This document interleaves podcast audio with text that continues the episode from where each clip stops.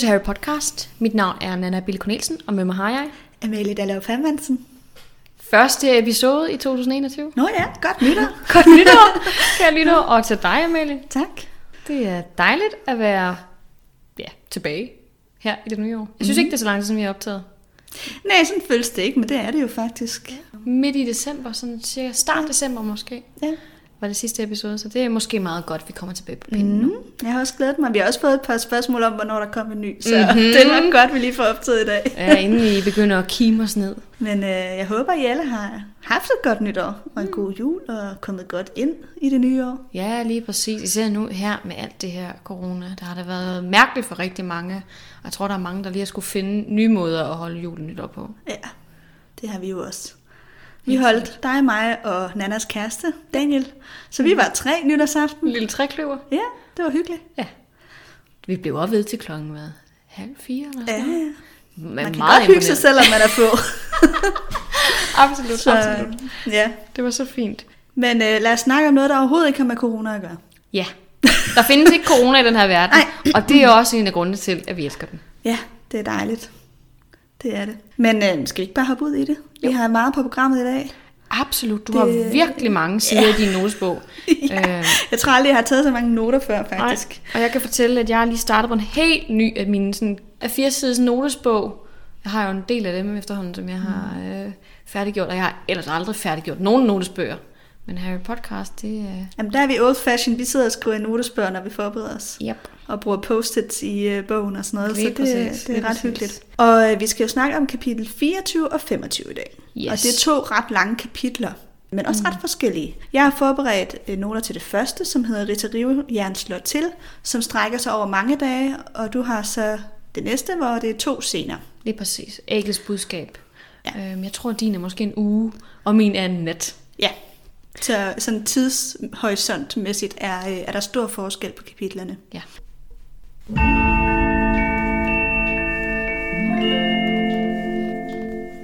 Ja, men for lige at lave et resume, fordi det er jo ikke sikkert, at man lige kan huske, hvad det er, de her Nej. kapitler handler om. Så starter det her kapitel ud med, at Rita Rivejern har skrevet en artikel om Hagrid, hvor han har, hun har afsløret, at han er halvkæmpe. Det ved vi jo fra forrige kapitel, at hun har overhørt som øh, bille, hun er animagus form som en bille, under juleballet, hvor hun hører Hagrid fortælle det til Olympe. Mm. Vi har selvfølgelig ikke fået det at vide i forrige kapitel. Men vi ved det, fordi det bliver afsløret i slutningen af den her bog. Ja, det er fordi vi ved, hun er en animagus, at det er hende, der har siddet der og har overhørt den der samtale. Præcis, men der er ikke nogen af Harry, Ron eller Hermione, der ved det her endnu. Nej, De og ved- de undrer sig også over, hvordan søren har hun fået fat i den her information, fordi mm. Hagrid har jo selvfølgelig ikke sagt det, og det har de da heller ikke. Mm-hmm. Så ja, de siger det ikke, men jeg tror, de mistænker lidt Madame Maxine for at have sladret til Rita Rivejern. For Ja. hun er jo den eneste anden, der kunne have sagt det. Det er rigtigt. Jeg mindes i hvert fald, en af dem siger, hun må have overhørt det på en eller anden måde ude i buskene, eller hvem er det, der går og overhører folks samtaler. Så tror jeg måske, at Hermione siger, ja, det gjorde I sgu da også. Ja, det er rigtigt. ja, så det overvejer de faktisk også. Har hun været derude, mm. og uden at vi har set hende? Lige- Nå, men i hvert fald, det medfører jo en hel masse. Hagrid, han øh, er skamfuld, lukker sig inde på sit værelse, han sagt, i hans hytte. Mm-hmm. Professor Margaret overtager hans undervisning. Og hun bruger så lejligheden til at undervise om enhjørning, og det kommer jeg tilbage til, hvorfor det er interessant. Og øhm, Harry, Ron og Hermione er selvfølgelig meget bekymret for Hagrid, og forsøger at komme i kontakt med ham. Han vil ikke lukke op, han vil ikke snakke med dem. Og de prøver alt muligt. De tager også til Hogsmeade, fordi de tror måske, at han kunne være på de tre koste, som han jo frekventerer ofte, og der er han ikke. Men de møder så Ludo Ludoman og også Rita Rivejern, altså hver for sig. Mm-hmm. Og det er der sådan lidt interessant i. Ludo Ludoman sidder med en masse nisser, som Mm-hmm. er lidt sure på ham, fornemmer ja. man. Hvis der er nogen, der kan huske det, så var der også nogle nisser, der var sure på ham, tror jeg, Ja. til øh, Quidditch-kampen. Ja, Og øh, det er vist nok de samme nisser. ja. dem er han lidt i lommen på. Og øh, møder de så bagefter, hvor Hermione hun flipper lidt ud på hende. Mm. Og det kan jo godt komme til at hævne sig senere hen. Men øhm, Ja, det ja. siger Ron også det sted, tror jeg, til hende, at det Ja. her, det kommer til at fortryde. nu bliver du den næste. Lige præcis. Ja. Og så til sidst får trioen adgang til Hagrids hytte, hvor også Dumbledore på besøg. Og han er der for at trøste Hagrid og give ham noget kampgejst. Og det er ret dejligt lige at se den der Ja. relation, de har der. Det er faktisk en super god scene. Ja, det er virkelig, virkelig skønt at se. Og det er sådan virkelig øh, en opkvikker til enhver, der har en dårlig dag nærmest, så skulle sidde lige læse det der stykke med Dumbledore. Ja. Og så siger til Harry, kom så, du, er, du, du, you're better than this, you, you're actually a good person, ikke? Jo, og der kommer jo så også den her famøse sætning omkring hans bror Aberford og en ged. Oh, Så den kommer vi også tilbage til. Vanvittigt langt resume. ja, det var et meget langt resume, men som sagt var det også en uge, der lige gik Det, her. det, det var en Ja. hel uge, ikke? og der er meget, du stadigvæk har sprunget over. Ja, jeg har taget det vigtigste. Lige præcis, Ja. lige præcis. Men øhm, mit kapitel det starter jo lige efter dit, det slutter, sådan Ja. set. Fordi Som Harry... plejer det at gå. Surprise! det er ikke, fordi vi hopper kapitler over i hvert fald. Nej. Så vidt jeg ved indtil Ej, videre. ja, det, Maybe. ej, det tror jeg ikke, vi har gjort. Tror jeg ikke. Men Harry han får rigtig dårlig samvittighed, da han er nede i hytten med Hagrid, fordi Hagrid bliver super glad, da han altså begynder at sidde og tænke på, at det kan være, at Harry faktisk vinder trekampspokalen. Han så tænker, ej, jeg vil så gerne have, at du vinder. Det vil gøre mig så glad og så stolt. Og hvordan går det med ægget? Og så siger Harry, jamen, jeg har fundet ud af det. Det har han sagt igennem hele det her kapitel for resten. Ja, Og det har han selvfølgelig ikke. Han har ikke fundet ud af en skid, fordi han har bare gjort som om det ikke fandtes det der skid ikke. Så han beslutter sig for, at han, nu skal han endelig få gjort noget ved det. Nu bliver han nødt til at tage Cedrics råd og besøge det der øh, badeværelse og se, hvad fanden der er med det der æg. Og han ved jo ikke rigtigt på det her tidspunkt, hvad det er, han skal gøre med ægget. Han ved bare, at han skal op på øh, vejledernes badeværelse og have ægget med. mm. det er jo en ret ikonisk scene også i filmen, som nogen lytter i hvert fald øh, kan huske, tænker jeg. Jeg tænker, mange godt kan. Det er, Ja. det er den her oppe i øh, det her store marmorbadeværelse med Ja. kæmpe bassin fyldt med skumbad, og så Hulda, der sådan er super ulækker. Det kommer, det kommer vi vi til. også tilbage til. Ja, det er ja. nemlig ret interessant. Og jeg har faktisk også, for nu, nu må de yngre lyttere gerne stikke fingrene i ørerne. øhm, nej, men jeg ved, der er rigtig mange af sådan nogle, nogle fanfics, som også kredser sig omkring Nå, badeværelsescenen. Ikke nødvendigvis med Harry, men med forskellige karakterer. Jeg har læst en virkelig, øh, eller ikke læst, hørt en podcast på et tidspunkt. Jeg tror, vi har talt om den før. okay. Med Hermione, tror jeg. Og Snape. Super weird. Øh, Nå, jeg troede, det var forskellige elever og Hulda. Jeg, havde nogle jeg troede, det var en helt anden vej, den her samtale. det, det er det helt sikkert Okay. også. Der skal nok godt være nogen med Hulda. Altså, det ville undre mig. Nej, men med, med Hermione og Snape synes jeg er værre. Ja. Så der er Ja. mange, der har tænkt tanker om den her badeværelsescene, og det forstår jeg også godt, fordi at den er meget seksuelt ladet. Og jeg håber, at I øh, er klar på det derude. Øhm, ja, som vi snakkede om, inden vi trykkede optag, det er jo faktisk nok den mest seksuelt lavede scene, der er i bøgerne. Den er i hvert fald...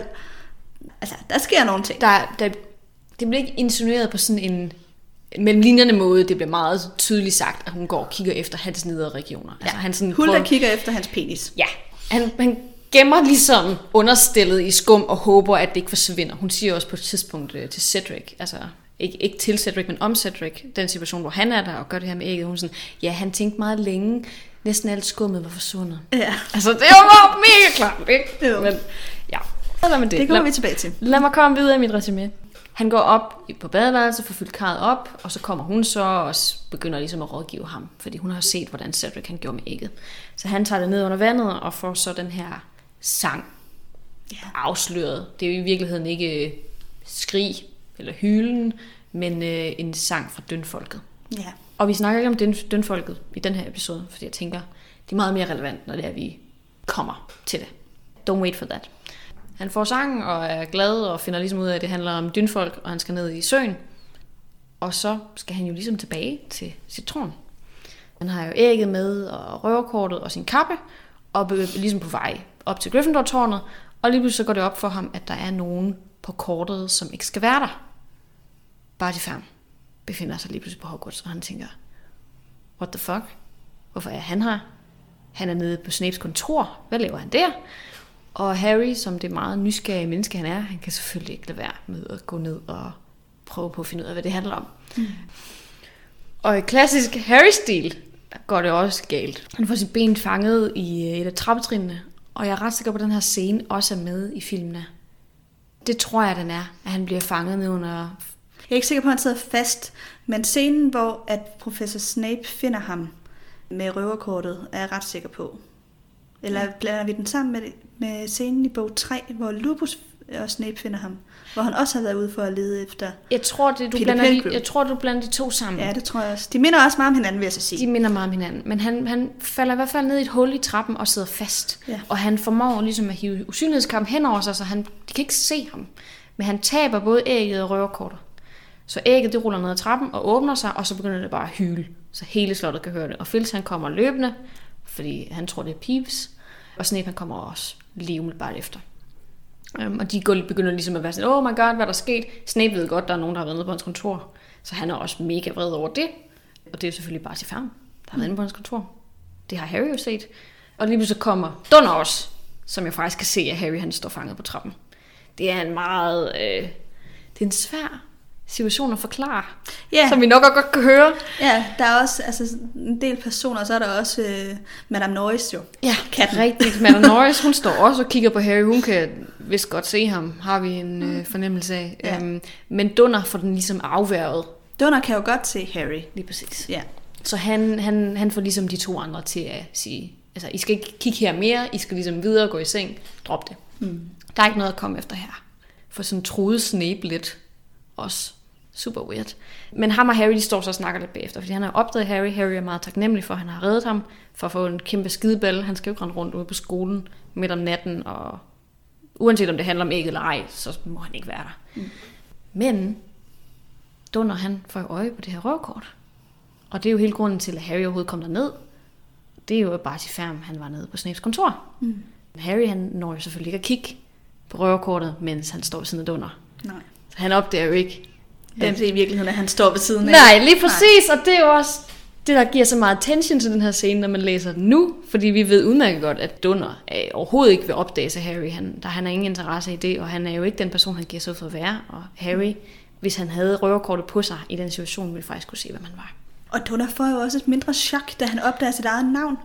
Ja. Det er jo ham, der er Bertie Fam Junior. Bare lige til dem, Ja. der skulle have glemt det. Lige præcis. Så det er ham, der lige har været inde på Snapes kontor. Ja. Og Det er jo mærkeligt, ikke? For der står jo Barty Færm. Og ikke så. Færm Junior. ja, det kan røverkortet til sydenlandet ikke adskille. Nej, det har det ikke forstået, og Harry han tænker jo, det er den rigtige Barty Færm. Han ved heller ikke engang, der er en junior på det her tidspunkt. Så han tænker, at den, den syge gamle mand, vi får i hvert fald at vide, at han er syg, at han render rundt inde på skolen midt om natten og kigger i Snapes kontor. Ja. Men det er super mærkeligt, og på en eller anden måde får Dunder jo reddet sig selv ud af den her situation, og får faktisk også overtalt Harry til at tage røverkortet, så Harry ikke kan opdage, hvem han faktisk er. Ja, plus han også selv kan bruge det. Præcis, og det gør han jo Og han også. siger også, det, det var lige det, jeg stod og manglede, eller sådan mm. et eller andet. Ja. Det er helt sikkert. Jeg er også sikker på, at han får det brugt godt. Det er nok godt det, der hjælper ham senere til at få fundet hans far, kunne jeg forestille mig. ja. Men det var sådan set mit kapitel. Ja. Så to lidt lange kapitler, men øh, det gør Ja. jo ikke noget. Jeg tror ikke, mit det var langt. Det var bare mere super kompliceret, den der sidste scene. Ja, det er rigtigt. Det minder mig lidt om, øhm, hvad hedder det, det hyldende hus i bog 3. Hele den der situation Ja. med, nogen er ikke, hvem de giver sig ud for at være. Og så kommer folk på forskellige tidspunkter, og nogen er gemt under usynlighedskappen. Og Ja, det er rigtigt. Der, der, der er meget sådan dynamik i den der scene. ikke? der er i hvert fald meget, man... Det er ikke bare to, der står og snakker. Det er ligesom sådan en... Folk kommer ind og ud af billedet på en eller anden måde. Præcis, og noget bliver afsløret for nogen, og andre ved det ikke, og Ja. igen. Altså, hvis man sidder og læser kapitlet samtidig med, så forstår man 100%, eller hvis man kan huske scenen, forstår man 100% hvad der menes. Men det kan godt være, at det bliver lidt krøllet Ja. ellers. Men det vil jeg nu generelt anbefale. Det ved jeg også, der er mange lytter, der gør. De læser kapitlerne enten før eller efter, at ja. vi har talt om dem, og får ret meget ud af at gøre det. Ja. Så øh, ja, nå. Lad os gå videre til magiske relationer. Yep.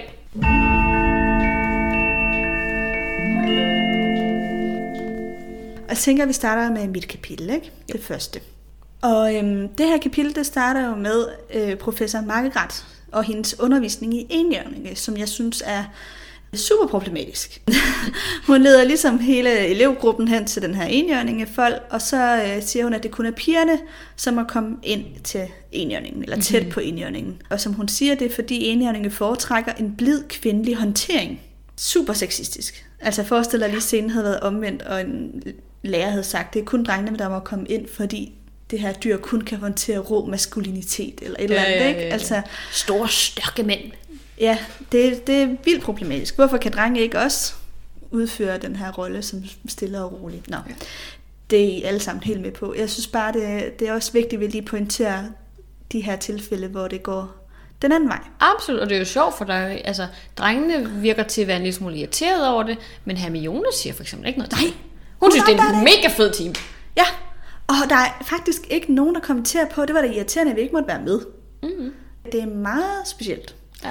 Men det er rigtigt, især Hermione, fordi hun ville i hvert fald have sagt noget, hvis det havde været den omvendte situation. ja, det havde hun. Men det viser bare det der med, hvis man har...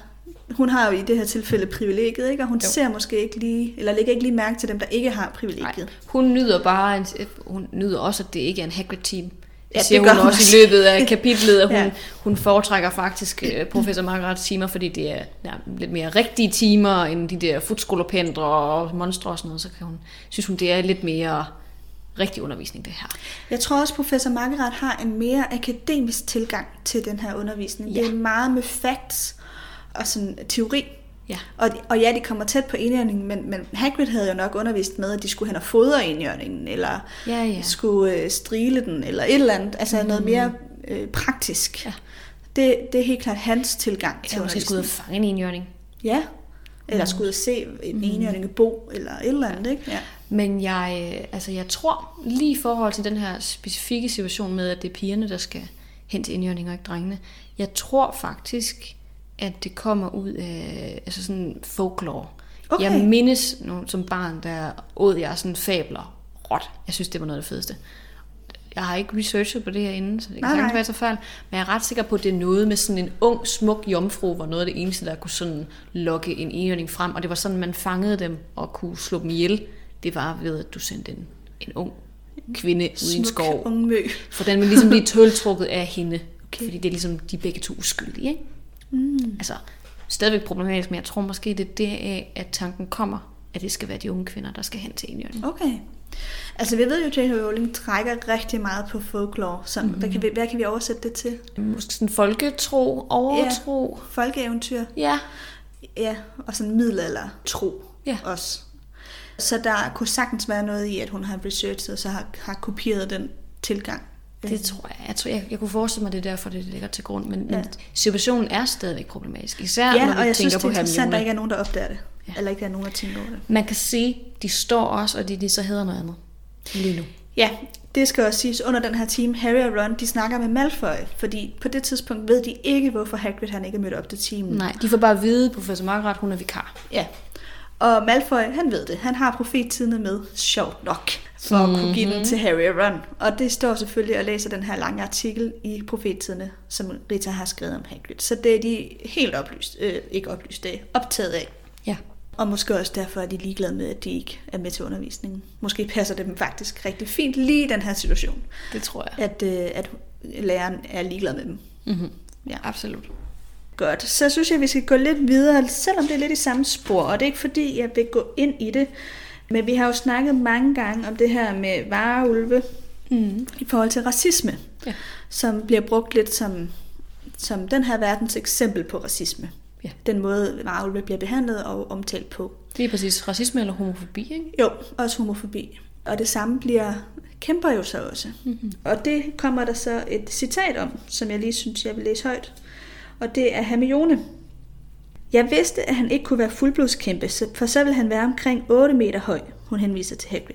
Mm-hmm. Men helt ærligt, hvad er det for noget hysteri, de kæmper er omgivet af? De kan da ikke være så slemme. Det er ligesom de fordomme, folk har om varehulve. Det er i virkeligheden ren racisme. Er det ikke? Og øh, det var egentlig bare lige for at give et eksempel på, hvor den her sammenligning også bliver lavet i bogen. Og det, det er jo nok, altså så bliver det jo heller ikke mere tydeligt vel. Altså når Ej, hun står det siger sort det. på hvidt, ikke? Ja. Ja. Det sjove er jo så Rons reaktion.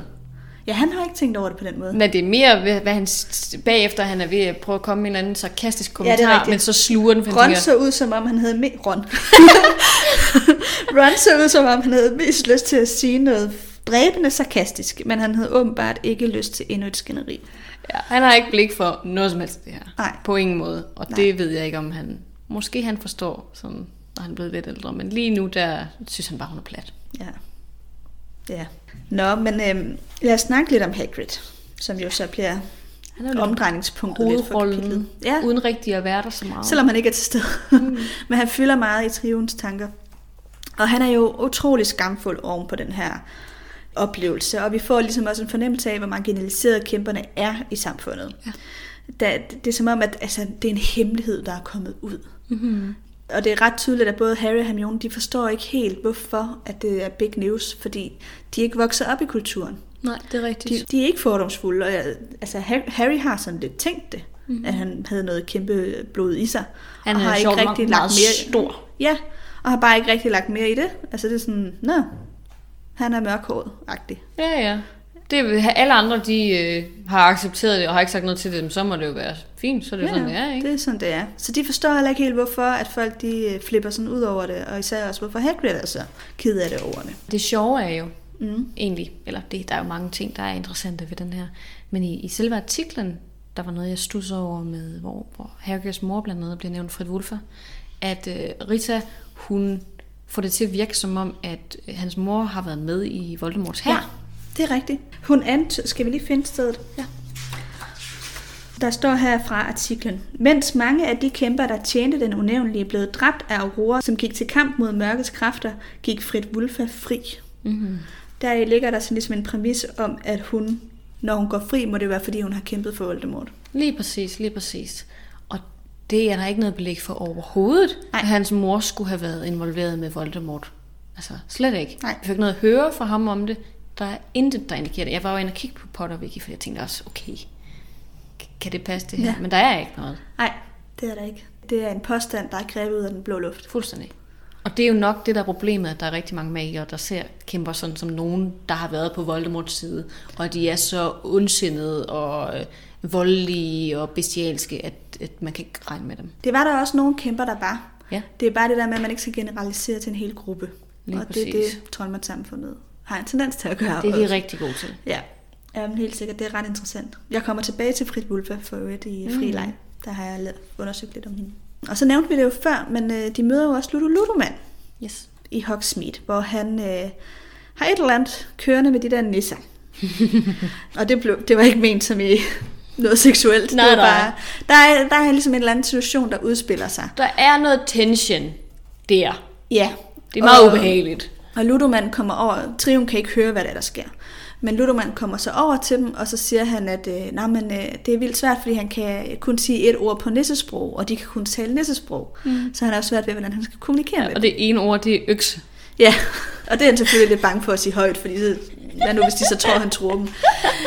Og det passer jo selvfølgelig ikke, den her historie. Nej. Det er meget sjovt, at han kommer og siger det her med, at han ikke kan kommunikere med dem, men det er ikke det, der er tilfældet. Mm.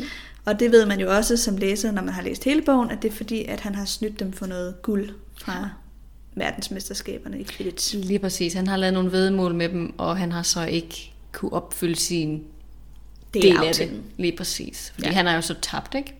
Ja, Ja, det er meget øh, intenst med de der nisser. De følger også efter ham, da han forlader kronen. ja.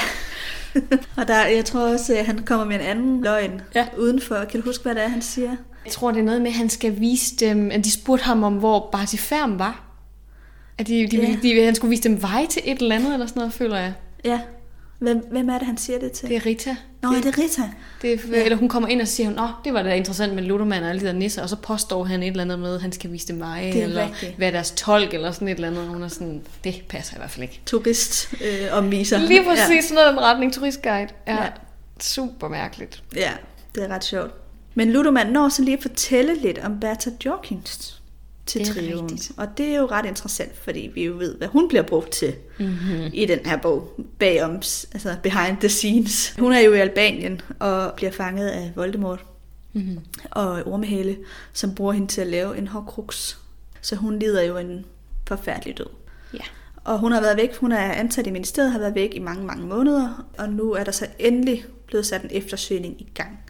Og det er jo altså mange måneder efter, at hun er forsvundet, at den her ansø- øh, eftersøgning er Noget eller et halvt år, syv måneder eller sådan noget. Ja, så noget lignende, ikke? Fordi hun forsvandt jo i sommerferien, og nu er vi efter nytår. Vi er faktisk cirka samtidig på året, som den her optagelse foregår. Mm.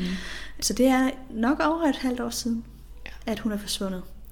Man ved, at hun sidst er blevet set med sin grandfætter. Men øh, derefter er hun så forsvundet på vejen over til en anden familiemedlem. Ja, en tante, tror jeg. Ja. Og det er jo der, hvor øh, hvad hedder en ormehale har støvet hende op. Ja, præcis. Men hun er jo så død på det nuværende tidspunkt. Lige præcis. Og det er faktisk hele grunden til, at Voldemort overhovedet kunne lave den her plan med verdensmesterskaberne og alt det her. Og trekampspokalen, det er fordi hun har ja, været nødt til at videregive de her informationer til ham. Ja. Enten frivilligt eller under tortur. Sandsynligvis den nummer to. Ja. Det er rigtigt, men man hører også, at hun er sådan en, der har talt meget over sig. Det er rigtigt, hun er en sladderhank. Ja. Så, øhm, men uanset, så er der ikke nogen, der fortjener at lide så grufuld en død, som hun jo nok har gjort. Nej, I nej, forhold nej. til at blive en hårdkruks. Absolut ikke. Forbrydelsen står overhovedet ikke øh, mål med, øh, med straffen. På Nej. Nej. ingen måde. Men det, jeg nævner også lige den her scene, fordi altså, vi har talt om Bertha Jorkins før og sådan noget, men jeg synes, det er interessant, og det er nok også derfor, mange godt kan lide bøgerne, det her med, der kommer de her små Hints. hints til plottet. Ja. Fordi hun er enormt vigtig for plottet. Mm-hmm. Men, det, men det, hun bliver, kommer ind sådan, det er bare lige et par linjer. Mm-hmm. Så står der lige, nå jamen, nu har vi eftersat, øh, eller sat e- eftersøgning i gang på Bertha, og det var ja. måske også på tide, Der er et tænker par Harry. drøs, ikke? Ja. Ja. Og det er sådan, folk kan måske ikke rigtig huske, hvem hun er. Fordi hendes navn bliver nævnt så få gange i løbet af bogen, til om Beth, Beth Jokons, hvem fanden var det egentlig Ja. overhovedet lige? ikke? Og man sådan, nå ja, når man så lige trækker den helt tilbage og prøver at få sådan det der store overblik, så er hun en enormt vigtig karakter. Præcis. Og så bliver der bare lavet mange små hints i løbet af de her bøger. Det er fantastisk. Lige præcis, lige præcis. Og så det sidste, jeg vil fremhæve, før vi går over til dig, mm-hmm. det er jo øh, den her famøse scene, hvor Dumbledore fortæller om øh, hans bror Aberford nede i Hagrids hytte. Dumbledore er jo ellers ikke den, der deler ud af familiehistorie. Nej, vi får ikke så meget at vide om ham andet, end han godt kan lide sådan uldsokker og kammermusik og sådan noget. Ikke? Det er sådan nogle små... Hans, øh, citrontabé og sådan Lige noget. præcis. Det er sådan nogle ting, vi ved om ham. Ja. ja. Vi ved ikke særlig meget om hans familiehistorik eller hans liv, før han blev rektor på Hog- Hogwarts. Overhovedet ikke. Det er først noget, vi får at vide, efter han dør, faktisk.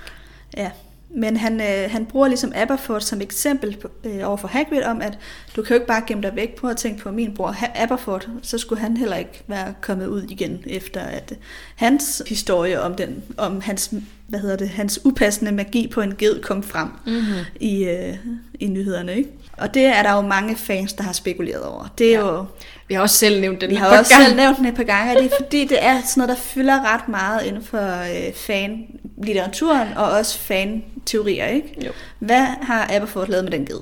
Ja. Det så- der var bare hen i det uvisse. Det- Vi ved, den er skamfuldt i hvert fald, ikke? Men jeg prøvede faktisk at se, om jeg kunne finde ud af det. Uh, exciting! Og jeg har fundet et interview, hvor J.K. Rowling bliver interviewet af en 8-årig, som stiller spørgsmålet om, hvad Aberford har lavet med geden. Og det, ja, det er en 8-årig, der spørger. Så J.K. Rowling svarer, og nu har jeg oversat det til dansk, at Aberford gerne ville gøre gedens horn snoet og lette at rengøre. Men at det er en joke, der fungerer på flere niveauer.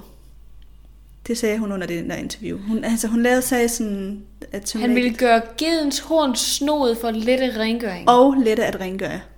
Ah, Og så siger hun, og det er en joke, som kan fungere på flere niveauer. okay. Og jeg ved ikke lige, hvorfor det er en joke, for det, det er jo ikke, det er for sig ikke en joke, vel? Nej, Det kan være, den er sjov på engelsk, jeg forstår det ikke. Jeg har bare oversat det. Men altså, han har gjort gedens horn snoet og lette at rengøre. Og så kan man sige, det er så fordi, at det måske har kunne bruges på en eller anden måde. På nettet har jeg også kunne finde, at, øh, der, at selve besværgelsen måske var uskyldig nok, men at Ministeriet for Magi mistænkte Aberfords omgang med geden som langt fra værende uskyldig. Ja. Så han har brugt de der horn til et eller andet. ja, okay, okay, nu begynder jeg måske godt at kunne Og de høre... at rengøre. Ja, ja, jeg begynder godt at kunne høre, hvor den måske er på vej hen. Lad os sige det lige ud. Og igen må man lige lukke ørerne. Geden øh, et sexløgetøj. Ja. Han har brugt geden til at have sex med den. Ja, det er teorien går på, ikke? Med og hornene. det har J.K. Rowling jo ikke bekræftet. Hun har bare insinueret det. Ja. Det er super gross. Ja. Men det, vi har jo også sagt det før, at der nok var et eller andet dyresexagtigt med det, og det beklager jeg. Men vi tager alle emner op inden for Harry Potters univers, og sådan er det bare. Der er ikke et emne, der er for slusket til os. Nej. Mor, tortur, dekrofili. Ej, puha. Men det er bare, altså, hun har skrevet det, det er hendes egen skyld. Ja, ja. Det er hende, der har valgt at putte det med i bogen. Ja. Så har vi også fuld tilladelse til at snakke om det. Altså, så- når hun kommer med sådan nogle altså, Udtalelser. henvisninger til, til en 8-årig, så må vi jo også Jeg prøve at pille dem fra hinanden. Jeg kan godt vide, hvad hun har svaret, hvis det var en voksen, der havde stillet spørgsmålet. Når Hun ikke havde kunne have sagt- noget det samme. Jo.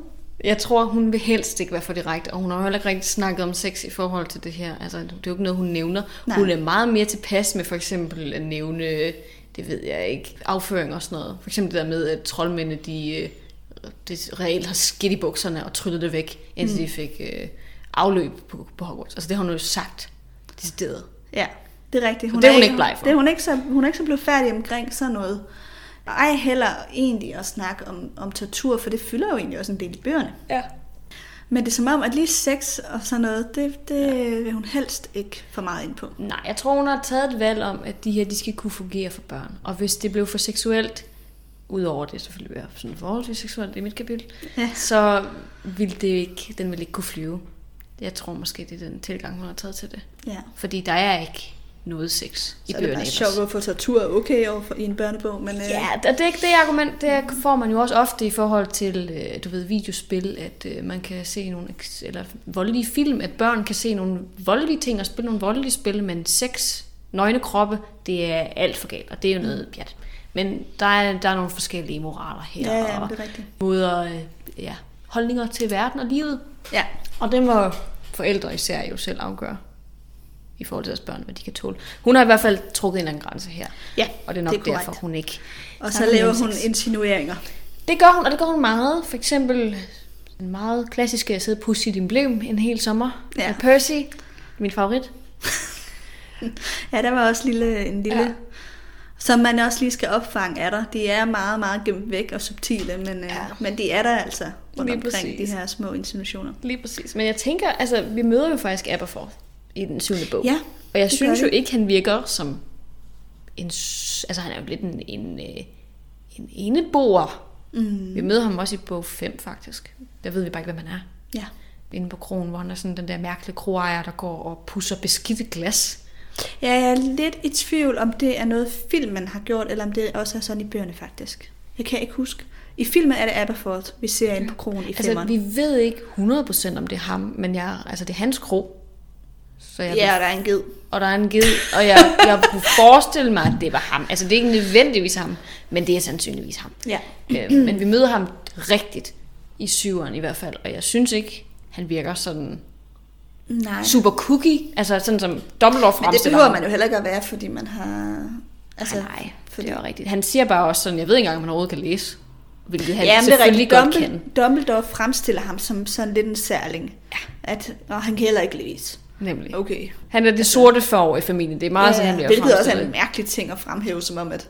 Altså sådan ligesom... Han har sex med dyr, og han kan ikke læse. Okay. øh, Ja, sådan det, ligesom nogle sjove ting, han sådan men jeg tror fremhæver. bare, at Dumbledore, han finder også bare på random ja. ting, og har sine egne små jokes. Og så kan han gå og grine over, haha, jeg fik den til som om min bror ikke kan læse, som om han er analfabet, hvor jeg er bare mega sjov. Altså, jeg tror virkelig, han går og finder på meget af sådan Mm. noget bullshit. Ja. Nå, men øh, det er bare en ikonisk sætning, som mange fans har spekuleret over. Så Det er det, og vi har jo også selv tænkt meget over det, så det er jo dejligt at få en eller anden form for afklaring. Ja. Så nu behøver vi aldrig snakke om igen, hvad det var, Aberforth lavede med den der ged. nej. Så, tak, Ej, det kom- får mig lige til sådan, det er lige et sidespring, men kan du huske den der dokumentar, Bubber lavede for nogle år siden? Øh, Der var han jo ude, det, en gang var Danmark jo en kæmpe dyresex turistattraktion. Gud, ja, det er rigtigt. Og der var han jo ude ved en, der, der lavede de her dyr ud. Alt muligt dyr. Øh. Godt være, vi skal sætte sådan explicit på den her Det kan episode. godt være, det kan godt være. Jeg føler ikke, jeg har set den der. Jeg har set den, hvor han er ude ved nogle sexarbejdere. Nå, den har jeg ikke set. Okay, Nå, men han har lavet lidt af hver buber. Ja. ja. Nå, det var bare lige et sidespring, men det var bare interessant. Altså det er, har nok, jeg tror faktisk, det er lidt mere udbredt, end man tror. Det er. Absolut. Altså generelt sådan seksuelle fetishes er mere udbredt, end vi går og tror. Ja. Men det hører en anden podcast til. Ja. And for something completely else.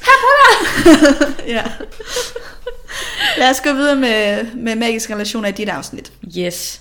Lad os det. Og det er jo ikke fordi, det bliver mindre steamy. Det bliver faktisk... Ja, det er en social episode den her gang.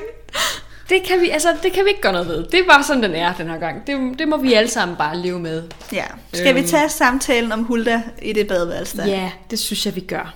Han kommer derop. Ja, Harry. Den kære, kære Harry kommer ind i badeværelset. Og han tager sit tøj af og hopper ned i vandet efter at have fået alt vandet ned i. Og så lige pludselig så titter hun jo hovedet ud af et rør og er sådan, Hello! How you doing? Ej, hun er jo...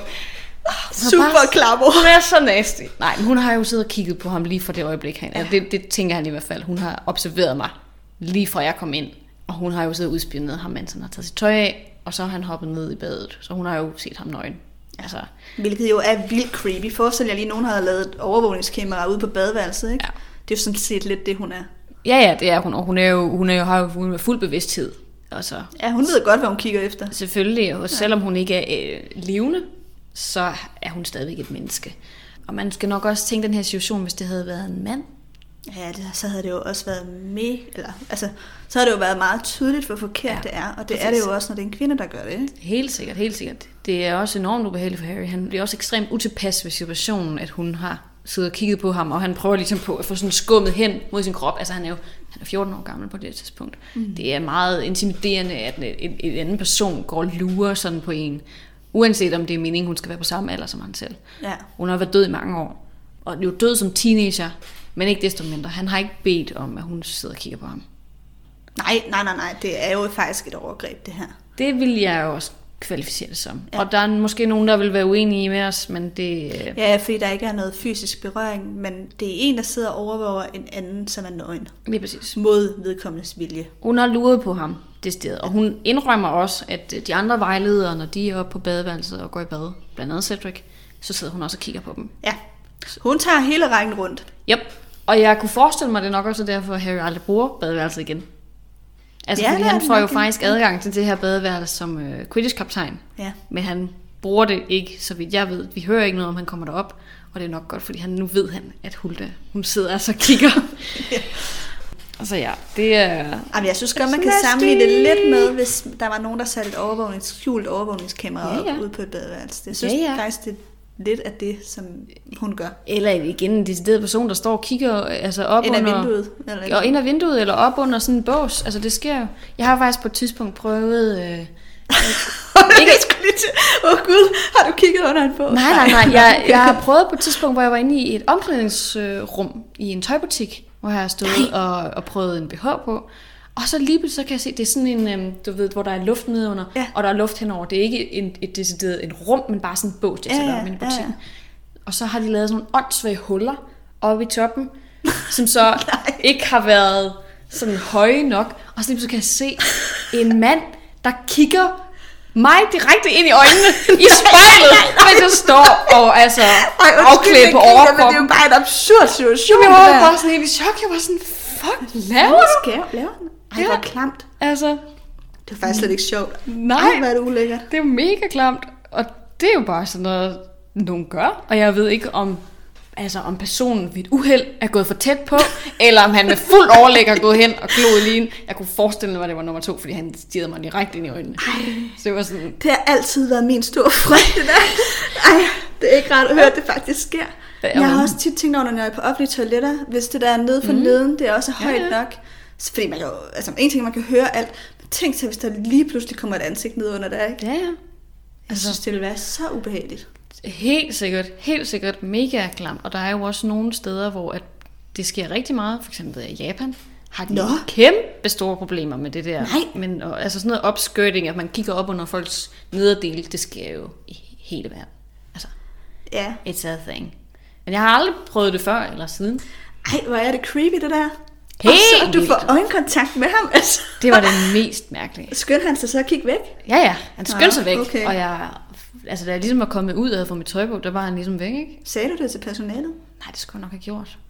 Men jeg var bare sådan lidt, what the fuck? Ja, ja, hvad fanden gør man det? Crazy person. Ej. Men altså, der er jo ikke nogen, der synes, det er rart. Der er ikke nogen, der beder om det. Der er ikke nogen, der kunne tænke sig at blive udsat for det der. Nej. Heller ikke sammen med en dreng. Og det er nok også det, der er ekstra vigtigt, vi nævnte her, at Ja, ja. Han er ikke interesseret. Det er slet ikke i orden, det her. nej, lige præcis. Og han tænker også, han skal i hvert fald aldrig nogensinde hen på et toilet, hvor hun er, hvis han kan undgå det. Nej, og vi skal så også lige huske, Hulda er 50 år ældre end Harry. Jeg ved godt, spøgelser er lidt fastfrosset. Hun er sådan frosset også i sit også sind, ikke? mentalt, men alligevel, Ja. det er faktisk øh, ikke okay.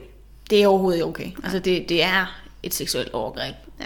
Det er ikke et et seksuelt overgreb på niveau med en masse andre former for Nej, nej, nej. seksuelt overgreb, men det er stadigvæk Det er heller ikke for at sidestille det med et voldtægt eller noget, for det er det ikke. Men det er noget, der ikke er i orden. Ja, Altså, lige præcis. Så den var vigtig at have med, især Ja. ja. fordi, at det er bare, altså, der er ikke særlig meget andet sex med i den her nej. serie. Og grund til, at det er seksuelt, det er fordi Hulda gør det her seksuelt. Fordi der er jo ikke noget farligt i, altså med samtykke, at man ser kroppe, mm-hmm. der er nøgne. Men det er det, at Hulda, hun er meget fixeret på hans underliv. Ja.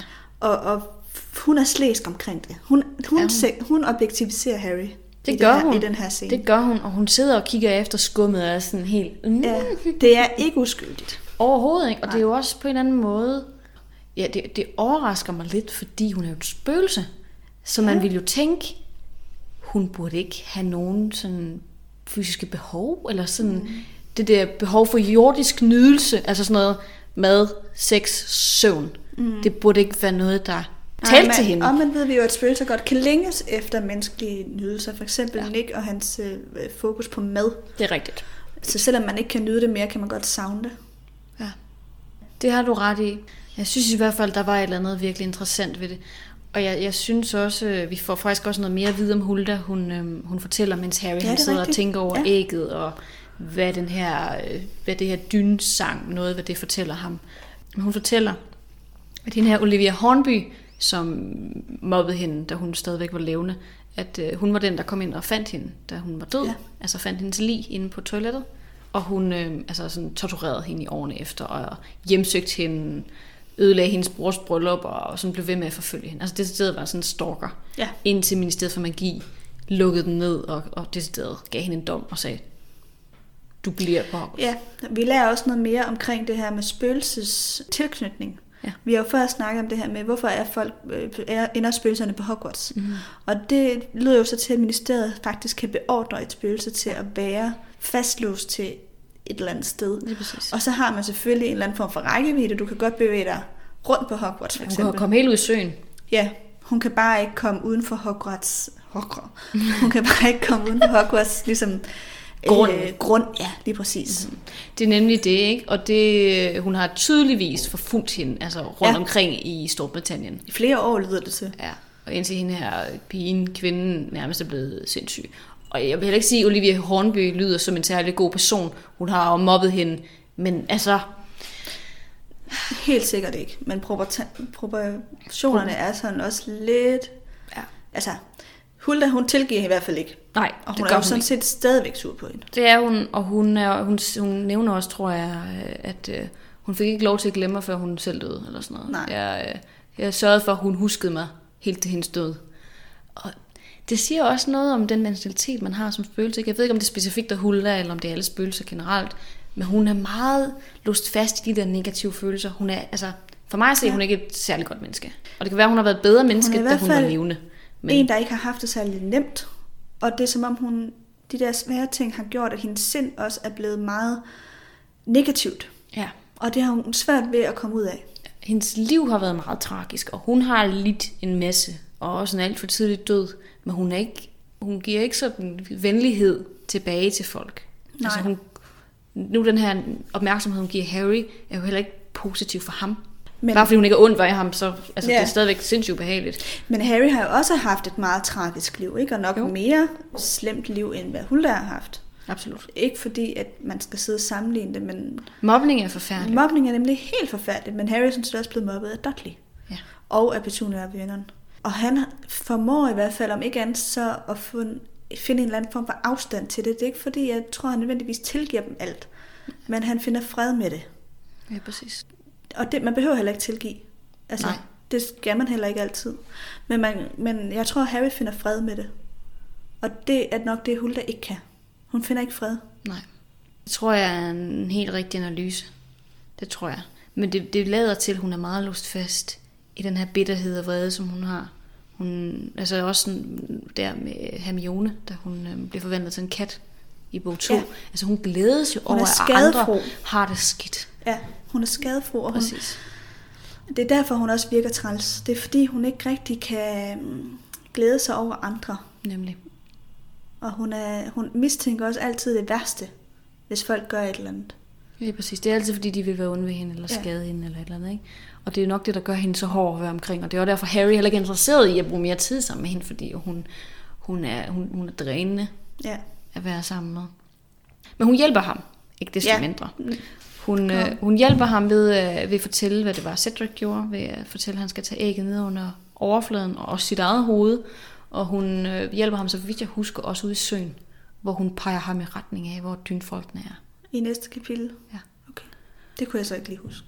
Nej, det kunne jeg heller ikke. Det var fordi, Nej. jeg så inde på Wiki. Okay. Love me that Potter Wiki. Yes.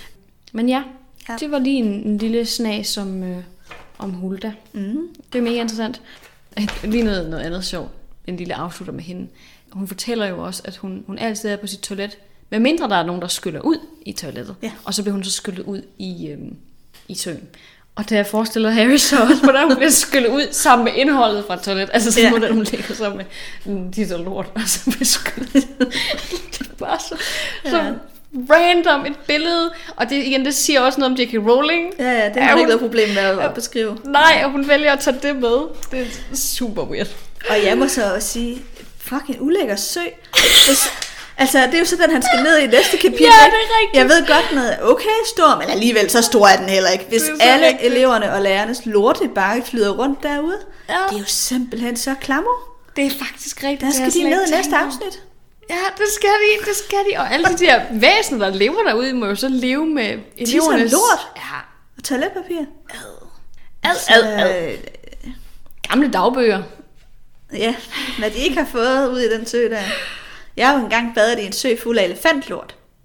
Og det gik også øh, op for, altså det, vi lå ligesom nede i den der sø, det fordi vi, jeg skulle op på ryggen af en elefant, og den skulle jeg åbenbart ved, at det var sådan et naturreservat, så det var sådan noget, hvor der ikke var turister og sådan noget. Og så måtte man kun komme op på ryggen af den, hvis den ligesom selv svømmede hen til en, og var sådan, du må gerne kravle op på mig. Så det var Okay. på den måde, man ligesom kom op på ryggen af den. Man skal og så så lå man. Ja, og så lå man ligesom bare i den der sø og ventede på, at den der elefant måske, måske ikke ville komme svømmende hen til en. Hvor øh, til en af mine kammerater så siger sådan, har I tænkt over, at det også er her, de skider? Og så ser man bare rundt, og så er der bare fuld af lorte i det der vand der. Ej! Lort og tis, vi bare har ligget og skvulpet rundt i. Ej, ej det var simpelthen så klamt. vi var søbet ind i lort. Ja, Sådan en lortesuppe.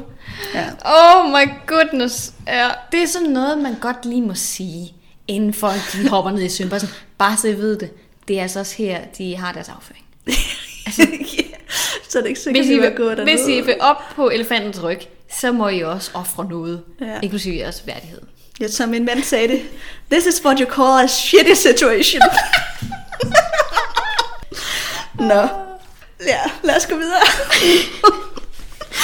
Vi Så kan man lige få igen. det mentale billede i sit hoved. Ja, ja, vi Ja. får mange spændende facts om hinanden Ja. og, og Harry Potters verden i dag. Mm. Det kan jeg godt mærke. Men nu skal vi til noget mere seriøst. Mm, ja.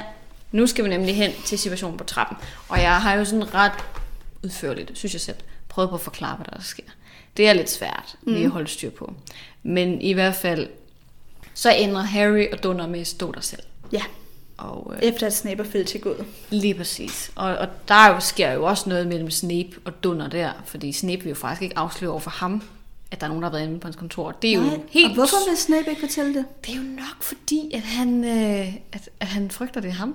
At det, øh, Tror du det? Det tror jeg. Okay. Han har ingen tillid til Dunder overhovedet. Det kan Nej. man godt mærke. Og han ved godt, at Dunder han har altså et øje til ham. På en negativ Ja. måde, ikke? Snape Øhm. øhm. tror jeg bare, det er fordi, at Dunner øh, jo engang var aura, og derfor ledte ja. efter dødsgardister. Det er rigtigt, det er rigtigt. Men, og, men han, det er jo sådan set også altså, et bevæggrund nok for, at det kunne være Dunder, der var nede på hans kontor og rode det igennem. Nu har han jo gjort det en gang før. Det kunne godt være, at han ville gøre det igen. Mm. Men Snape, han ved i hvert fald, at der er nogen, der har været derinde for at finde ingredienser. Og han siger selv til Filch, at han tror, det er en elev. Og han har jo også prøvet før, det er elever. Ja. Altså Harry og Ron og Hermione har været inde på hans kontor i toeren. Mm. Vi skulle på Polyjuice ting. Og jeg tænker godt, at Snape kan regne ud, at det er Polyjuice ingredienser igen. Det kan han helt sikkert godt. Det siger han ikke, men det ved han godt. Ja, fordi han siger, at de har taget nogle ingredienser. Mm. Øhm, og han, jeg ved ikke, om det er den her bog. Måske.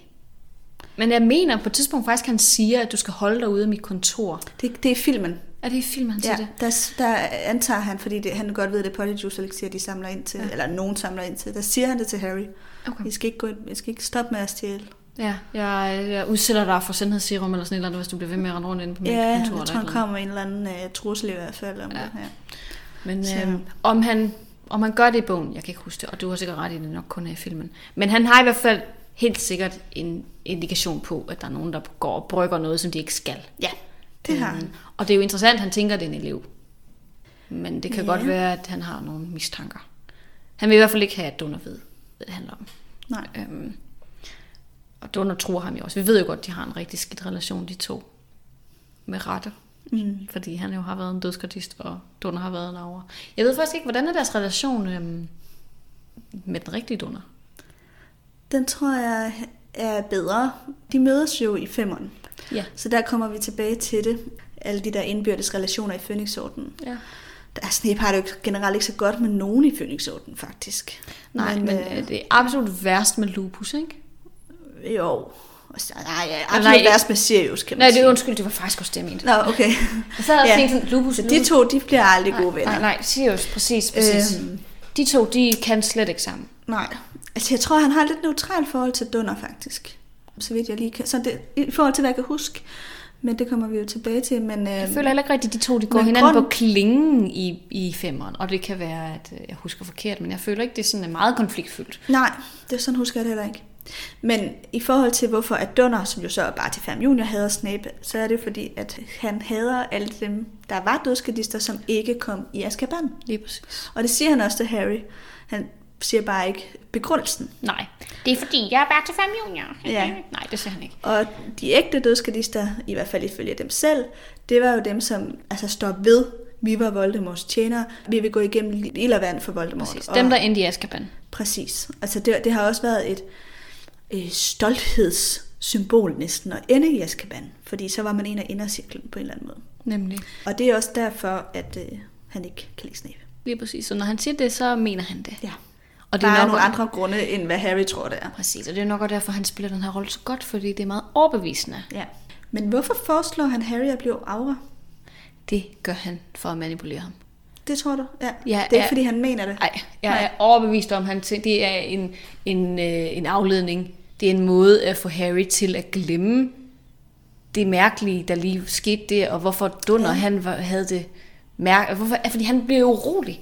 Harry han kan jo se på Dunner i situationen, at der sker et andet inde i hovedet på ham. Han står et helt minut og tænker. Ja. Altså det står decideret. Dunner var stille et minut, Ja, det er inden det var, han sagde noget. Fordi han har stået og tænkt, hvordan fanden framer jeg det her på en måde, så Harry ikke finder ud af det mig.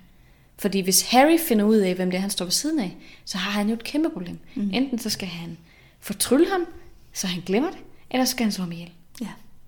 Altså, Der ja, er... han, har, han har et stort forklaringsproblem. Harry kan godt regne ud, Ja. hvorfor han kan se ham, hvis det er, at Ja, ja, lige Han præcis. Han er sådan, hvem er du? Hvorfor er du ikke dunder? Ja. Du er jo tydeligvis, øh, altså, hvorfor, hvorfor skjuler du dig i en anden identitet? Han, det er ikke sikkert, han, han forstår lige i øjeblikket, hvis han fandt ud af, hvem at Nej, men det han ville være kommet frem til, han må have drukket på et.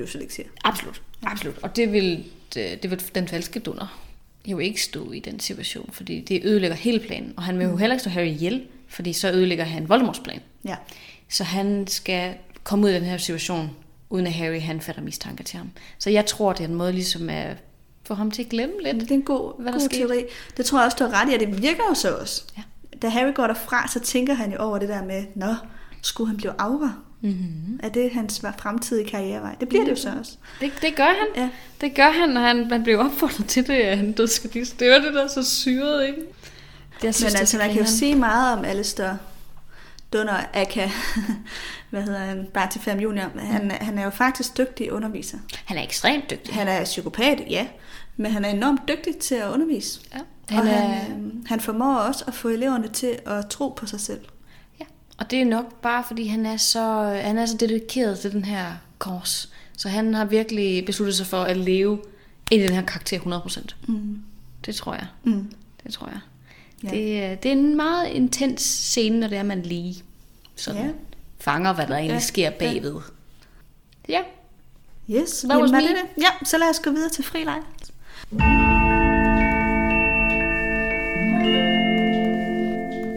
Jeg har jo lidt om uh, Frit Wulfa. Spændende, det havde jeg også håbet på, du ville. Ja, hun blev jo nævnt i artiklen her, og det er jo faktisk i sig selv bemærkelsesværdigt, fordi hun er den eneste kæmpe, der bliver nævnt med, altså den eneste hundkæmpe i hvert fald, som bliver nævnt med navn. Der er ikke andre øh, hele hundkæmper. Der er Madame Maxime, hun er jo halvkæmpe.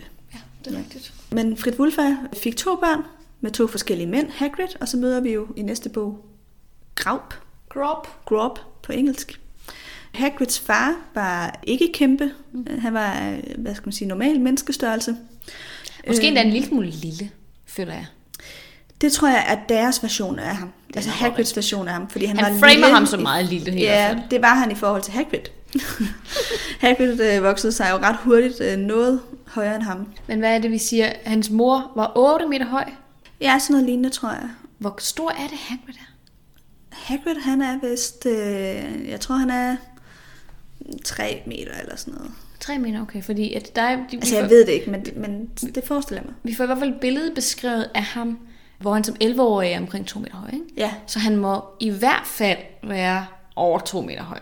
det er han i hvert fald.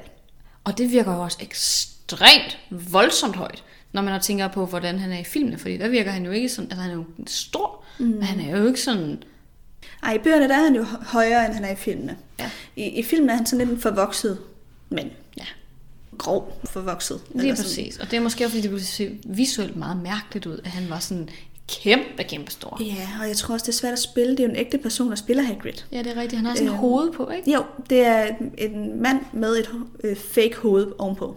Mm. Men det kan godt være for, at kroppens bevægelse også ser mere øh, naturlig ud, at, det, at man har valgt den version, for ellers kunne man jo have lavet ham animeret. Ja. Det kunne nok også have fungeret i de senere film. Film 1, der kan vi jo huske øh, sådan en som Fluffy. Altså man kan jo godt se, det er noget, der er animeret. Det fungerer ikke helt. Så jeg synes, det er godt, de har valgt at bruge en skuespiller. Helt sikkert, helt sikkert. Jeg tror også, at det har fået det til at virke meget mere ægte. Ja. Men ja, man skal nok forestille sig ham noget større i bogen. Det tror jeg også, fordi det er i hvert fald, mit billede af ham er ikke, at han er vanvittig høj. Nej. Mit bud vil være 3 meter høj. Mm. Ja. Ifølge Hagrid, så forlader moren ham som treårig, fordi at han var for lille. Mm-hmm. Det samme sker faktisk med Graup, som hun jo får med en kæmpe mand ja. også. Så Graup er jo også selv kæmpe. Ja. Og derfor også en del større end Hagrid. Og derfor noget større end Hagrid, det er han også i filmen. Mm-hmm. Men hun, ifølge Hagrid forlader hun dem begge to, fordi at, øh, at de var for små i størrelsen. Og Hagrid siger faktisk ikke så meget øh, ud over det andet, når hun var en dårlig mor. Og det, det giver jo mening. Ja, ja, han er Altså- blevet forladt af hende. Ja. Det virker som om, at hun har været sådan lidt følelseskold. Altså sådan, ikke med menneskelig intelligens, umiddelbart, ud fra beskrivelsen af hende. Og det er jo også det, der gør det så enormt interessant, hvordan i alverden det har lykkedes hende og Hagrids far at, at få den relation. Ja, Hvorfor de er blevet interesseret i hinanden. ja, det melder historien jo ikke noget om. Ej, vi ved ikke noget om det overhovedet. Nej. Vi ved, at Hagrids far var en god mand. Hagrid var i hvert fald glad for ham, og han fortæller også om i det her kapitel, at hans far ligesom sagde sådan noget med, at øh, han, han skulle tro på sig selv, og han var Ja, god, som han præcis. var. Og... Han skulle ikke øh, tænke på, hvad andre sagde om ham. Nej, præcis. Eller skamme sig. Men hans far dør jo, mens han går på Hogwarts Hagrid, og der fortæller han også om, hvordan Dumbledore så, så har øh, taget sig lidt af ham, efter at, mm-hmm. at hans far går bort. Ja, han er faktisk blevet forladt, blevet forældreløs som 12-årig, og har været helt alene i verden, uden at have nogen andre. Og det er jo der, man, man kan godt forestille sig, at Dumbledore på en eller anden måde har også lidt trådt ind og været en far for ja, ham. Ja, og man kan også godt forstå Harrys, eller slået Hagrids meget store sympati for Harry. Mm-hmm. Han kan godt, jeg tror, at Hagrid på en eller anden måde kan se sig selv lidt i Harry. Det tror jeg også. De har i hvert fald noget til fælles. Det har de, og han sidder også altså, og, og en til en er sådan lidt, okay, hvis du vinder trekampspokalen, så er der et eller andet godt i verden, fordi du og jeg, vi er ligesom the underdogs. Vi er dem, som, som måske har noget, som andre synes, vi burde skamme os over, fordi vi ikke kommer fra en rigtig familie, eller fordi vi ikke øh, ser ud som, altså, som alle de andre. Mm. Men det skal ja, vi ikke på en eller anden over. måde er anderledes i hvert fald. Ikke? Lige Jeg ved ikke rigtig, hvad det er, han hentyder til med Hagrid, eller slået med Harry. Jeg tror måske med Harry, at det godt kunne være, at hans mor har været muggelfødt. Og han selv kommer, altså jo egentlig ikke har været en del af troldmandsverdenen, før mm. han kommer ind som 11-årig. Jeg tror måske godt, det kunne være Ja, lidt den der uvidenhed, han ikke er en del af det der, øh, det magiske samfund, Mm. sådan kulturelt i hvert fald. Ja, det kunne give mening. Ja. Nå, og så havde jeg også lige skrevet det der med, at, at Rita har ligesom hentydet til, at hun skulle have kæmpet for Voldemorts side, men Ja. det ved vi jo reelt ikke. Det har vi snakket om. Hun dør inden den her store troldmandskrig. Ja. Så hun dør et eller andet sted mellem, at hun er født grav, og så den anden store Ja. krig. Så det er et ret vidt spænd. Vi ved det faktisk ikke. Og det er jo heller ikke så chokerende, fordi vi ved jo kæmperne, altså de rigtige kæmper er ret voldelige Ja, i faktisk. kæmpe kolonierne, der hører man, at de indimellem dræber hinanden. Der skal ikke så meget til, før de kommer op og slås, og det kan godt blive ret, ikke dem alle sammen, men det kan ret blive, blive ret blodigt faktisk. Ja, det kan det. Det var faktisk det, jeg havde til frileg. Mm. Mega fedt. Det bliver en lang episode i dag. Ja. Så lad os gå videre til ulepost. Ja, spændende. Ja.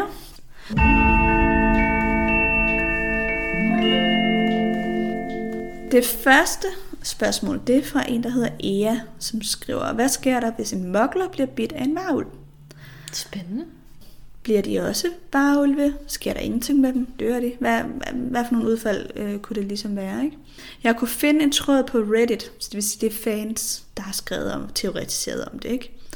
De henviser faktisk til, at vi får svaret på det i Fantastic Beasts and. Where to Find Them. I bogen skulle det stå. Okay. Og at mokler også bliver til varulve. Fedt nok. Ja, fordi at der står et eller andet sted i bogen, at øh, en gang i hver måned, når troldmænd og moklere forvandler sig til vareulve, bla bla bla bla bla. Mm. Noget i den natur skulle der ligesom... Og der ligger der jo også en præmis om, at mokler også bliver, Og bliver det forvandlet. matcher jo også den ægte myte om varulve. At Ja. der er jo ikke noget med, at man behøver at være troldmand for at kunne blive varulv. Det er jo bare, hvis du bliver bidt af en varulv, ikke? Præcis. Altså, Og så, så teoretiserede de så om i den der Reddit-tråd, at øhm, Ministeriet for Magi må holde øje med det på en eller anden måde og blande sig i... Øh, altså, de må have en eller anden form for overvågning på, hvem der bliver varulve. Det er jo heldigvis ikke så mange, der bliver det. Det er jo mest dem Fenris skråryg, han bider. det er rigtigt. Men øh, de må på en eller anden måde holde, holde, have en eller anden form for overvågning. Det er jeg faktisk ikke sikker på, fordi jeg mindes da på et tidspunkt at have læst, at ministeriet forsøgte at lave sådan lidt en optælling af varulve. Jeg kan ikke huske, hvornår det var. Altså, de har en varulve-registreringsafdeling i hvert fald. Præcis, præcis. Og de forsøgte ligesom at få varulven til at komme og melde sig, men der var ikke rigtig nogen, der ville bruge det system, fordi de var bange for at blive stigmatiseret eller potentielt slået ihjel. Ikke? Så jeg er ikke, faktisk ikke sikker på, om det er noget, de egentlig er så observante i forhold til. Generelt er de jo ikke observante i forhold til en skid, undskyld mit sprog. De finder jo altid ud af ting for sent. Mm. Systemet fungerer ikke særlig godt, så jeg, jeg tror faktisk ikke, at de ved det. Omvendt er der jo også en form for tracking på folk, der har magiske evner.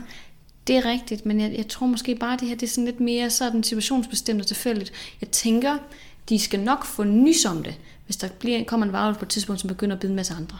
Fordi så begynder rygtet ligesom at spredes, og på et eller andet tidspunkt, så skal, det, skal der Så være må nogen, der jo være nogen, der tager ud og holder, finder ud af, hvad der foregår. Præcis, så jeg tror på den måde, der hvis de begynder at høre rygter om varulvangreb, så skal de nok være ops. Og hvis de finder ud af, at det er en mokler, så må de jo finde en løsning, om det så er at øh, på en eller anden måde inkludere vedkommende i det magiske samfund. Det Hvilket de jo ikke rigtig er alligevel varulvene. De bliver jo sådan holdt lidt... Altså, Ja, de lever jo isoleret, i hvert fald sådan som Lupus, ikke? Han, Ja. han flytter jo ud og bor på landet for sig selv. Meget isoleret. Lige præcis. Det kan godt være, at de har en anden form for det ved jeg ikke, forløb, man kan blive en del af, hvis man Altså, øh, der er i hvert fald tre afdelinger inde i ministeriet, som har noget med varulve at gøre. Der er varulve registrering, som vi snakkede om. Så er der varulve til fangetagen og varulve support. Der er sådan en hotline, Okay. så man kan faktisk godt ringe ind. Og Men der er så også varulve til fangetagen. Den afdeling er der også, og det er så det, der også gør, at jeg tænker, jeg forstår godt, at man ikke ringer til supportafdelingen, ikke? Altså, de øh, må jo Øh, alt andet ja. lige snakke sammen. Det kan jo godt være, det er det, der sker, hvis man er mokler, ikke? At du så bliver til fangetaget. Ja, Så man skulle måske ikke melde sig. vi ved det ikke. varulv. Men i hvert fald, de bliver til varulve. Mokler. Så har Frederik spurgt, hvorfor hører vi aldrig mere til Hermiones tidsvenner, som hun bruger i tredje bog? Hmm. Og hvis hun har den, hvorfor bruger hun den så ikke til at forhindre dødsfald og spolere Voldemorts planer?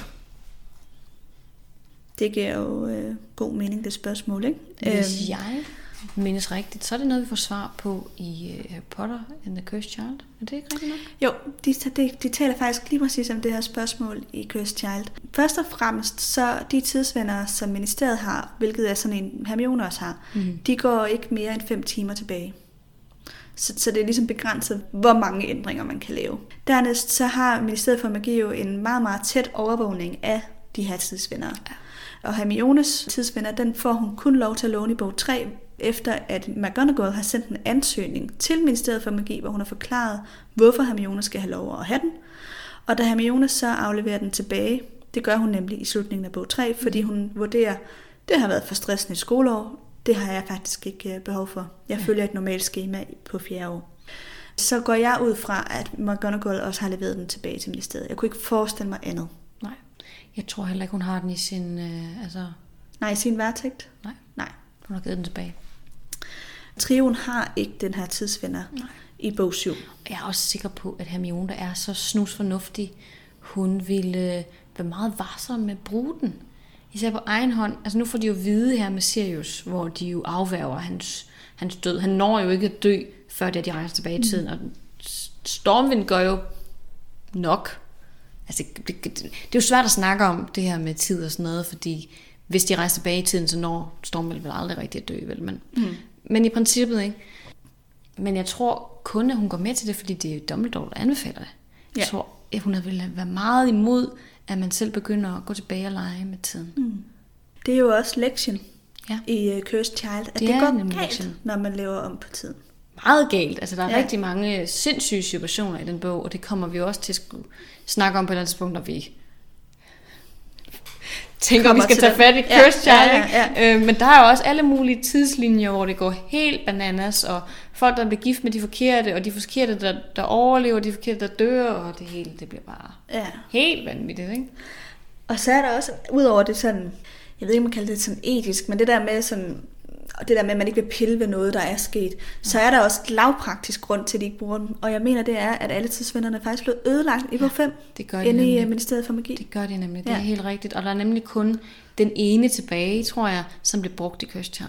Nej, den er ikke Cursed Child, det er en, Er det den, ham, blev- der er den not. blev lavet, det er Den rigtigt, ikke? bliver lavet ham, der er dødskadisten Not, som også er bødel i øh, Nå, bog 3, Gud, ja. mener jeg. Det tror du ret i. Han laver, eller opfinder i hvert fald en tidsvinder, som kan gå meget længere tilbage. Og han har jo så lavet, så vidt jeg husker, Cursed Child har han lavet den sådan, at man ikke kan holde ud og være mere end 5 minutter tilbage i tiden, eller sådan noget, så, ryger man, så, så går man ligesom frem til, til nutiden. Og det er det, som Scorpius og, øh, hvad den anden hedder, Albus. Albus, de så får fikset. Så man kan være på ubestemt tid. Det er rigtigt. Tilbage De, rejser hele Det er vejen sådan, til, jeg husker den. de rejser hele vejen tilbage til, til den dag, hvor Harrys forældre dør, ikke? Jo, det gør de nemlig. Nå, men Den det var, skal vi det var sådan, jeg, om det var sådan, jeg lige huskede den. Ja. Men øhm, Og I må lige sige til, hvis I kunne tænke jer, at vi på et eller andet tidspunkt gjorde det i sådan en, øh, en bonusepisode, eller om vi skal vente til vi er færdige Ja. med alle de andre. Altså, jeg tror ikke rigtig lige, vi har sådan... Nej, jeg havde selv tænkt, at vi kunne- tage det som noget af det sidste, altså når vi er færdige med alle bøgerne. Ja. Men vi kan også sagtens tage den indimellem jo, som bonusepisode. sagtens. det er der jo ikke noget i vejen for. Det er, hvad der lige øh, falder jer for, kære lyttere. Hvis Ja. øh, I har en præference, Så, sig så er vi klar. så tager vi laver en, så laver vi gerne en bonusepisode om den. Nemlig. Ja. Jeg vil sige, jeg synes også, jeg synes, det er et rigtig interessant spørgsmål, det her Frederik stiller, fordi det får også en til at tænke på, hvad vil, altså der er jo mange situationer, hvor jeg vil ønske, man kunne lave om, Ja. men det betyder ikke, at, at det er rigtigt at gøre det. Nej, så ikke det skal Vi laves bliver også nødt til at lære historien Ja, på man en eller anden måde. man bliver nødt til at acceptere tingenes udfald på en eller anden måde gang. Nogle gange sker der forfærdelige ting, og så må man ligesom lære at acceptere det. Ja, men det er sådan lidt en større filosofisk ja. diskussion, ikke? Fordi der er der også nogle ting, der virker så tilfældigt og ligegyldigt, og som noget, der ikke er nogen, der lærer noget af. Altså så hvor Absolut. man tænker, det vil man gerne kunne lave om. Absolut, det er helt rigtigt. Det er helt rigtigt. Og det vil ikke gøre nogen forskel, at man lavede det om, Nej. andet end til det gode. Jeg kunne forestille mig for eksempel Harry, øh, altså efter Sirius dødsfald, hvis han havde haft en tidsvenner, ja. Var han da helt at gå tilbage for at redde Sirius. Ja, det er jo et godt eksempel på noget, hvor man tænker, det ville jo kun have været godt at gøre det om. Ja, det er rigtigt. Men det kan også være, at, at det dødsfald vil have betydninger i andre. Altså andre øh, handlingsbaner, eller hvad man skal kalde det, ikke? At der er nogle ting, der ville være blevet anderledes, hvis Sirius havde været der. Måske til det gode, måske til det dårlige. Ikke at det ville være Sirius skyld, men det, at han stadigvæk levede, ville have en betydning. Ja. Ja. Det er den her butterfly-effekt, ikke? Jo, det er det. Og det er også en eller anden form for sådan mere teologisk diskussion om skæbnen. Ja. Tror man på en skæbne? Sker alt af en grund? Mm-hmm. Det tror jeg ikke, det gør. Nej, det gør jeg heller ikke. Det er meget, meget dybt, ikke? Jo. Og igen, det er jo noget af det, der hænger sammen med det her snak om tidsrejser. Det bliver lige pludselig meget filosofisk. Ja, lige præcis. Så jeg tror også igen, hvis vi skulle, hvis vi skulle snakke om det her Cursed Child, så ville vi skulle bruge meget tid på at snakke om især det her Ja. med tidsrejser. Ja, helt sikkert. Det var i hvert fald interessant. Ja, vi kom vidt omkring i dag. Ja, for satan. Seksuelle krænkelser og lort og ja. altså, men de her bøger, de kan rigtig meget. Kan Det man vist godt blive enige om. Det, Øhm. øhm, det må man da om noget kunne se ud Det er i hvert fald altid- optagelsen i dag. Altså jeg vil sige, det er altid underholdende at sidde og analysere dem i det her gode selskab, både med dig, Amalie, Ja. og med jer, kære lyttere, og få jeres gode observationer ind over, både når I kommer med forslag til eller spørgsmål, men også med sådan kloge ting, som vi andre slet ikke lige havde overvejet. Ja. Det er mega fedt. Og det kan være, at vi lige skal ne- gennævne vores Facebook-gruppe. Ja. Der er nemlig rig mulighed for at møde andre lyttere, som, øh, hvor ja, der er faktisk god aktivitet derinde, så nogle gange man så skriver nogen et eller andet Ja, da. spørgsmål. Det kan være øh, noget øh, altså meget konkret, et eller andet til en trylleformular, men det kan også være noget mere filosofisk. Og så synes jeg faktisk altid, der er nogle gode svar på det. Helt sikkert. Altså ting er i hvert fald, når man, når man skriver til os, så vil vi oftest gemme spørgsmål til Ole Ja, vi gemmer dem til ulepost. Så man får ikke øh, svar med det samme, når, det, når man sender til os normalt. Nej, vi noterer det. Vi har sådan et dokument, vi opdaterer hver gang, at vi får et nyt øh, ulepostspørgsmål. præcis. Og så kommer det bare bag køen. Det er nemlig Øhm. det. Så hvis man vil have hurtigt svar, Ja, på selve spørgsmålet i hvert fald, så er det ja så synes meget jeg, så hurtigere. skal man skrive ind i uh, læsegruppen. Lige præcis, men hvis man Ja. ja. gerne vil have, at vi tager det op, Ja, så er det godt at skrive det til os. og det er man også velkommen til. Det kan man både gøre på Facebook, og man kan faktisk også gøre det på en mail. Ja. Og hvad er det nu, vores mail er? harrypodcast.lyd gmail.com Ja, mener jeg. snabel gmail.com. Øhm, og, ja, det er i hvert fald dejligt at have jer med herinde i Ja. ja. 2021. Spændende at gå ind i et nyt årti. Mm-hmm. Så vi ses i næste episode, tænker jeg. Det gør vi. Helt sikkert. Der tager vi jo så de næste to.